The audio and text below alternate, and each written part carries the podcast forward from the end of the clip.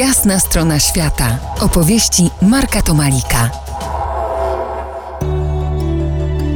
Po jasnej stronie świata Michał Woroch, laureat prestiżowego kolosa w kategorii Wyczyn roku. 2016-2018 Wheelchair Trip from Edge to Edge Argentyna, Chile, Boliwia, Peru, Ekwador, Kolumbia, Panama, Kostaryka, Nikaragua, Honduras, El Salvador, Gwatemala, Meksyk, Stany Zjednoczone Ameryki, Kanada. Piękna, kolosalna trasa, ale już z napędem na cztery koła. Tak, tutaj y, zadaliśmy z Maciejem przed pytaniem, y, które sobie zadaliśmy, jak, w jaki sposób byśmy byli w stanie podróżować po Ameryce Południowej czy Północnej.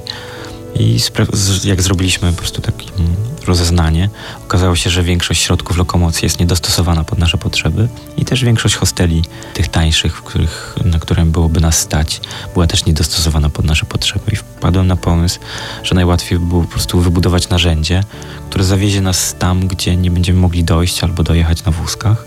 No i padło na samochód terenowy, który... Trzeba było mocno przerobić. Tak, oj tak, bo, bo też to jest 96 rok Defender i zmieniliśmy mu nawet skrzynię biegów z manualnej na automatyczną. Później było przyrządowanie na ręce. Okazało się, że ja nie jestem w stanie wsiąść do tego samochodu, więc zacząłem projektować szereg wind, dzięki którym dostaje się do środka. Dodatkowo na przykład trzeba było w jakiś sposób podnieść maskę, więc to też jest szereg wind, które podnoszą maskę i opuszczają.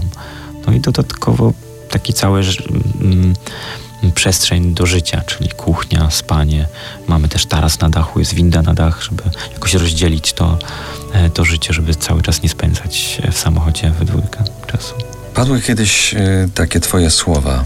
W tej wyprawie zupełnie nie chodzi o atrakcje i wyznaczanie sobie celów do zobaczenia. O co za tym idzie?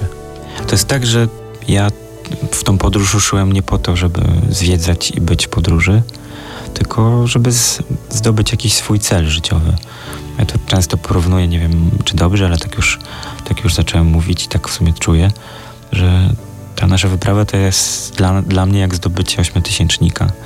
I często w tym zdobyciu ośmiotysięcznika nie chodzi do końca, wydaje mi się, o, o widoki, tylko po to, żeby poczuć wewnętrznie, żeby zrobić tą podróż wewnętrzną, że udało się, że było trudno, ale się udało, bo, bo tak naprawdę też chodziło o ten trud w tej podróży u nas. Dużo pisałeś dla prasy branży podróżniczej.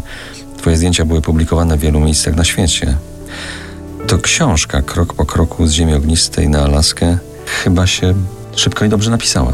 Pracę nad książką już zacząłem w momencie, kiedy było przygotowanie samochodu i w ogóle wyjazdu, a ten etap zajął nam 2,5 roku. Dodatkowo później było 9 miesięcy w podróży, gdzie był prowadzony dziennik, później wybuchł nam silnik w Los Angeles, gdzie musieliśmy wrócić do kraju. Był 10 miesięcy przerwy. W tych, w tych 10 miesiącach też była praca nad książką, później wyjazd na 4 miesiące, no i teraz te 6, więc tak, bo była praca i to jest też tak, że dlatego chciałem zrobić tę książkę, bo w niej jest też dużo bólu, którego nigdzie wcześniej nie opowiadałem, albo trudu, albo takich rzeczy, które gdzieś są na dnie, których się bałem gdzie indziej opowiadać. Krok po kroku z ziemi ognistej na Alaskę. Sięgnijmy po tę książkę.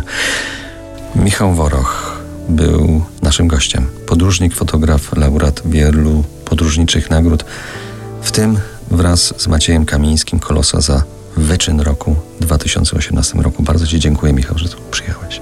Dziękuję bardzo. To była jasna strona świata w RMF Classic.